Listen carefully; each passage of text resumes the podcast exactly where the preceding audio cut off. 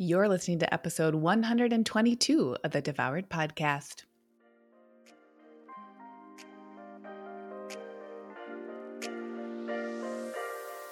Welcome to Devoured, the podcast for women ready to release the title of Dieter for Good. I'm your host, Lucia Hawley, and I'm a certified nutritional therapy practitioner with my master's in social work, clinical mental health. I've lost 80 pounds and I'm on a mission to get you into the life of your dreams without being the woman who is consumed by diet after diet trying to get there. If you're wanting more in your life and are tired of wondering when or how to make that happen, then this is a podcast for you. You'll learn how to make the radical changes you've only dreamed of 100% possible for you today. I'm so happy you're here. The information provided within this podcast is intended as general education only and is not to be considered a substitute for professional medical advice, diagnosis, or treatment. Well, hello, party people. Welcome, welcome, welcome to another episode. As I'm recording this, I'm looking out the window in my office, and it is a classic rainy Portland fall day outside. There are yellow leaves, and there is one stuck to a window pane on my window. And there are little forgotten about or gently placed rain droplets on the outside of the window pane. It's a calming day. It is a grounding day, at least for me. And I'm going to roll with that because I would love to embrace that today. This week, I'm talking about a subject that I'm calling planned flexibility. And so, this subject is coming up because, I mean, I'll be honest. What I talk about here on the podcast, I record every week. And I used to record, well, I used to record every week. But uh, in the spring, right before COVID came on, and this is 2020 if you're listening to this episode in some other year. Right before COVID came on, I started to batch my podcast episodes. And I had more guests on the show then too. So, you know, when you're scheduling with a guest, you have to work with both people's schedules. So it wasn't necessarily that we would record one week and then the episode would turn around and get posted the next week. Oftentimes you would record and then within a month or two, that episode would then air. So with COVID and with me really basically having a lot to talk about, I loved having guests on. And clearly, I recently had a couple guests on. So they could still come on, and we're going to have more guests, like I was talking about last week.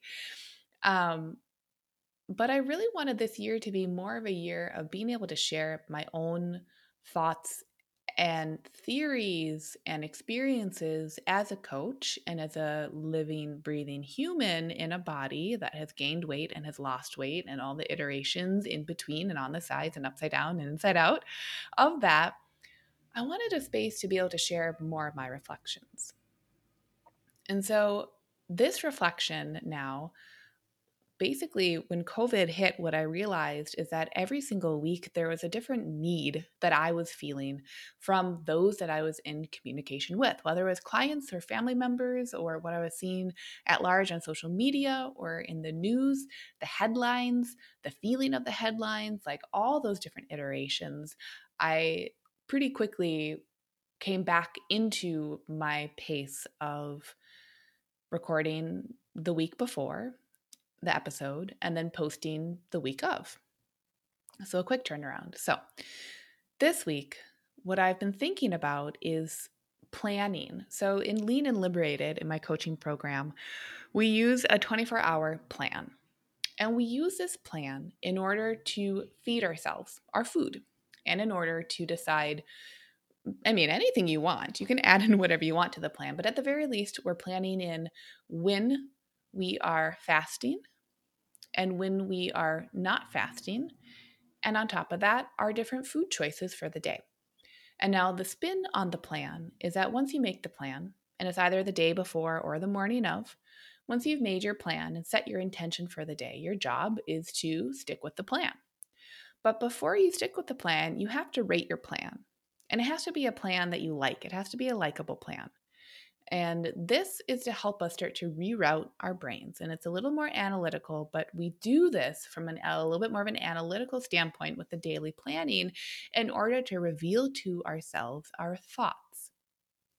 So if your tendency for the plan for the next day is to plan in foods and there are no stacks and there's no dessert and uh, you are only eating x amount of white rice and you can't have brown rice because it's too much like if you start to get really really granular with the plan what you're going to find is that that isn't quite a plan for life if you're feeling this major pressure to be really granular and really prescriptive with your food choices and your beverage choices every single day as you're moving towards a weight loss plan, what you'll come to discover is that that is how you're deciding you should lead your life.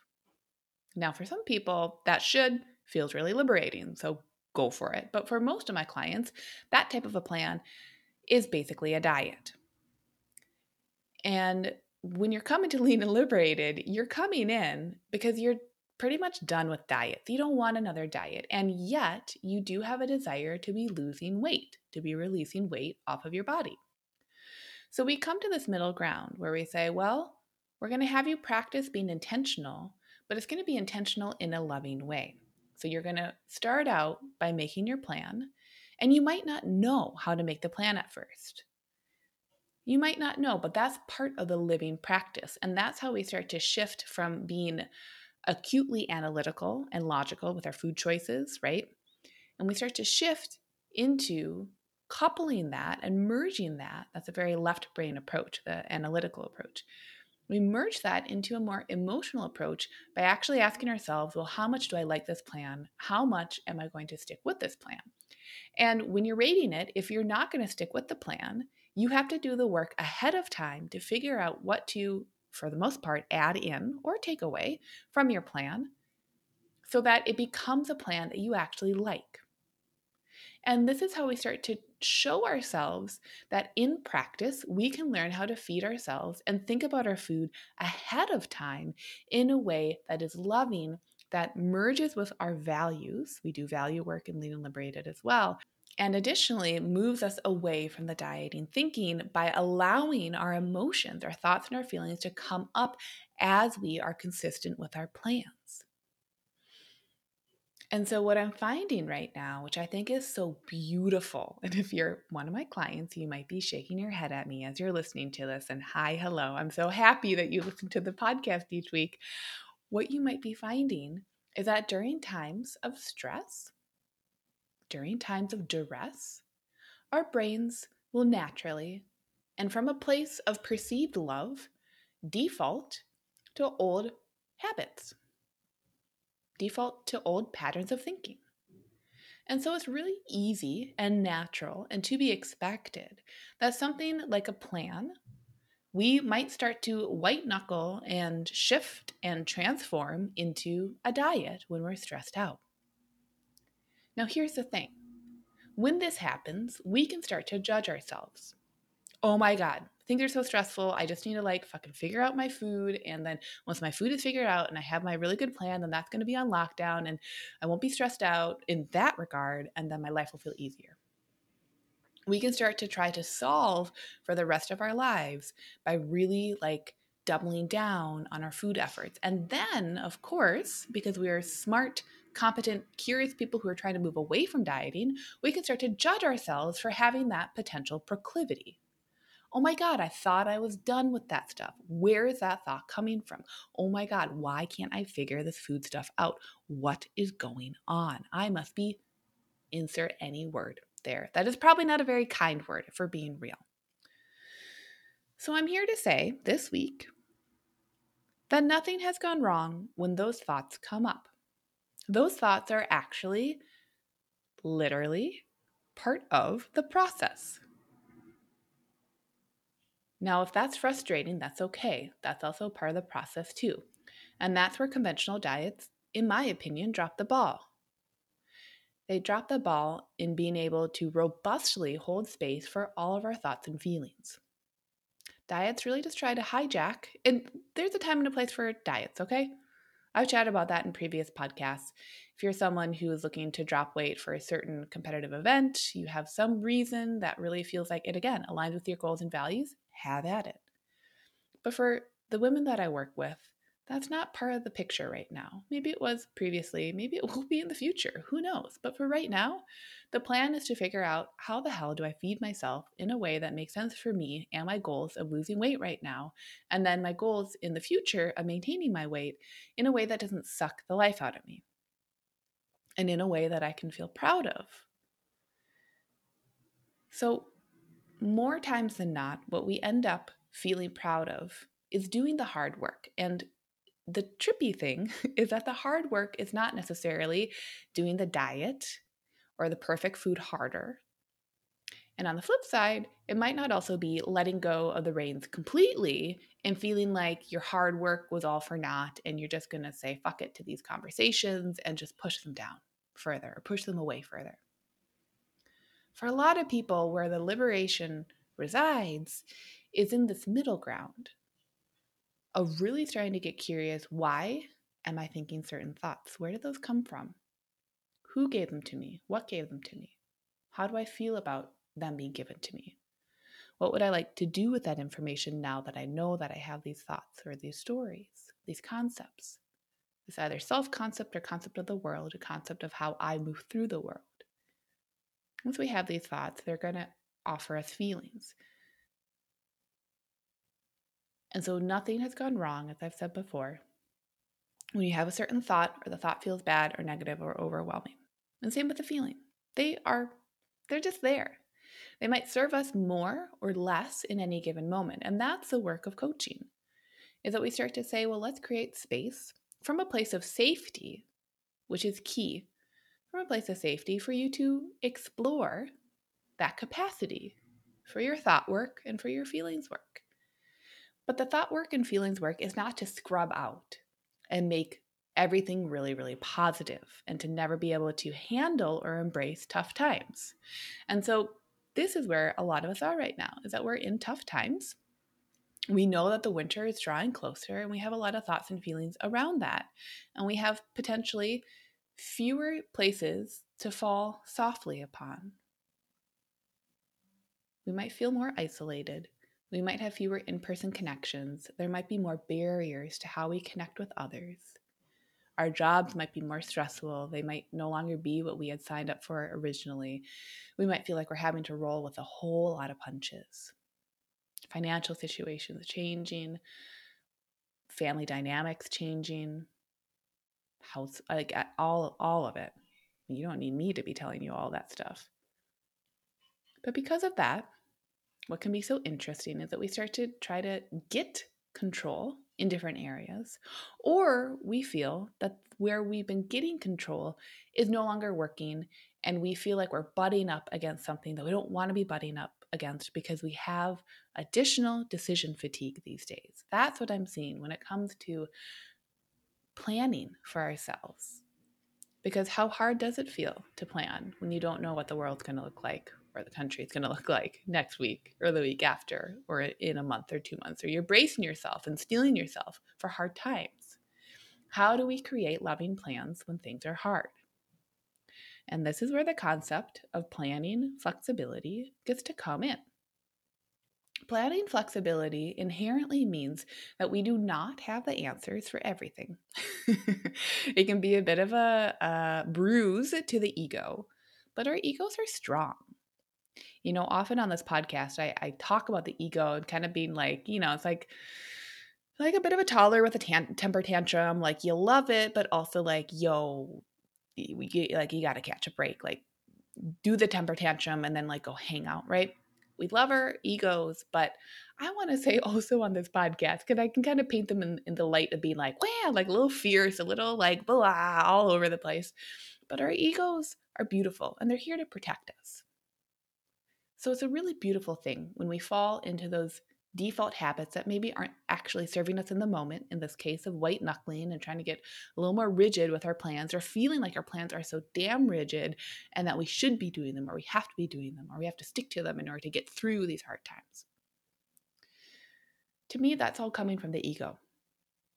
And our egos are here to protect us. They're, they're here to help create a shell for us to move through life with. But instead of saying, oh, God damn it, ego, how dare you crop up right now? I want us to simply say, wow, thank you, ego, for being here. Thank you, any potential proclivity to rigidity or to judgment about myself or to all the meta thoughts I'm having around that entire process. Thank you. Something so simple can seem so frustrating. But what happens if we thank ourselves for our processes? What I see is a release of that strictness. And when we release that strictness, that is inherently beyond that dieting cycle. That is how we move through the dieting cycle instead of feeling like we have to move around it and never touch it and that it's big and hairy and weird and sticky. Ah, we're scared of it, overwhelmed by it, pissed off by it. When we create the capacity and container to simply be with the ego, to simply be with our thoughts and our feelings without having to feel like we have to have a plan, we are then, by allowing that for ourselves, what we're actually practicing is that we're planning in flexibility with ourselves. And so, if there is no other season than right now to be thinking on this subject, to be feeling on this subject, I really want you to get curious. In what ways can I plan flexibility? Now, remember, it almost can sound at, at certain times and in certain situations like that's a bit of an oxymoron. How can I plan in flexibility, Lucia? Like, I don't want to think one more thought. That right there is a beautiful question to be practicing that planned flexibility. So, when it comes to the 24 hour plans that I was mentioning earlier, this is such a cool place. I've been talking about with, with I've been talking about this with different clients this week is starting to get curious okay, where is my brain defaulting to plan rigidity? Where is my brain defaulting to not liking that I might have that ability to get more rigid or strict? How do I plan flexibility? Not so I supersede things, not so I'm like, I, I did it at the end of the week. Yeah, I did that. Right? That's a bit of an ego stroke, which is fine, but not quite the intention here. The intention instead is to say, wow, how was I able to be with myself in that moment? Not just in the moment with food, but in the moment before food. In the moment when I was thinking about food, but food wasn't there. What about in the moment after food? What if there's actually nothing to be solving for?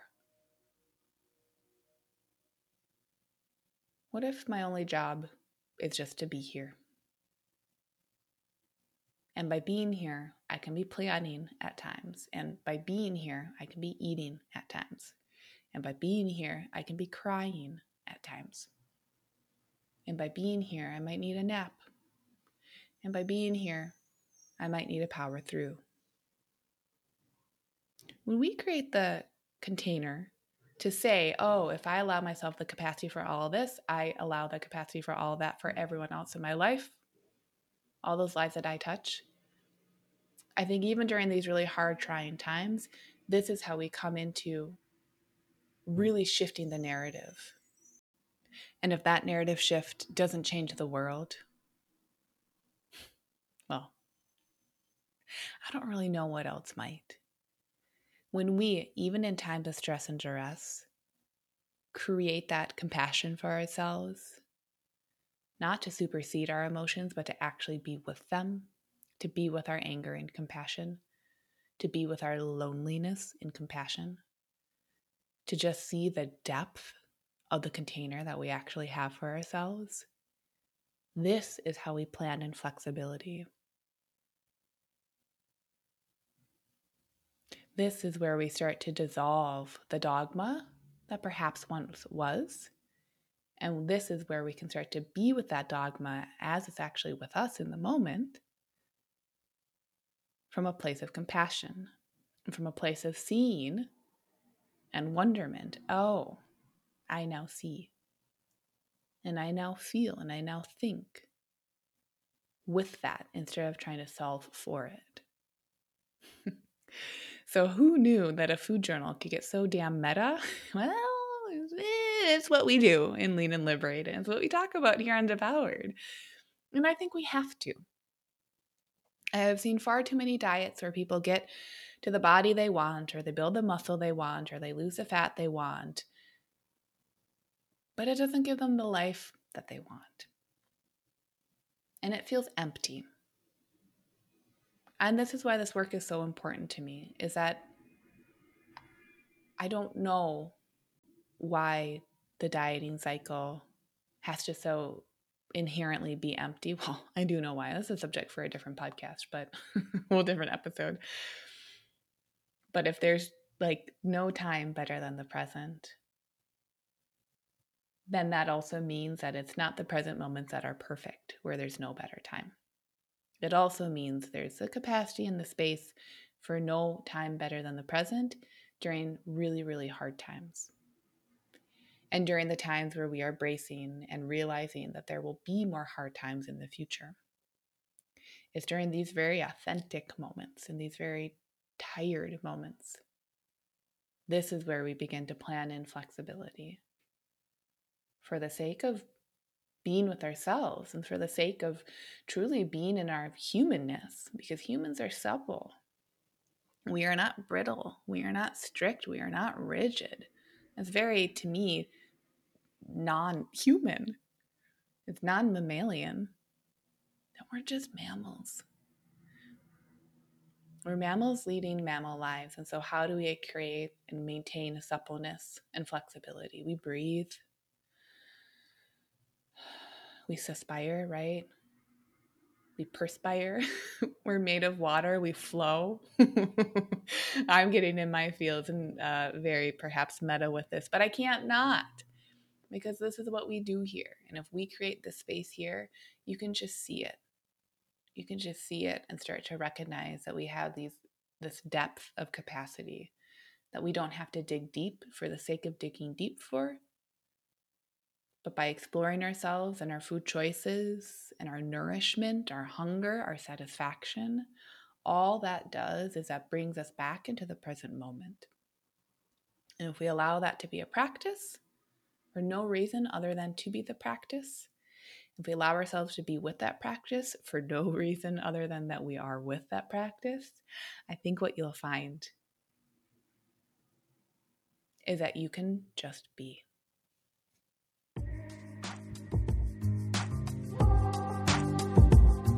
Okay, everyone, that's all for this week. Thank you for listening to this full podcast episode. If you want more of this information every day instead of just one podcast episode each week, consider coming over to Instagram to hang out with me. I'm Lucia Hawley underscore over there. That's L U C I A H A W L E Y underscore. And one more thing before this episode ends please consider leaving a review of Devoured on iTunes so we can keep spreading the word. And together we can offer this free education, empowerment, and liberatory nutrition principles that will change more lives. If you're someone who likes to empower other people, then please consider sharing this podcast with friends and family. And by leaving a review, it makes a world of difference.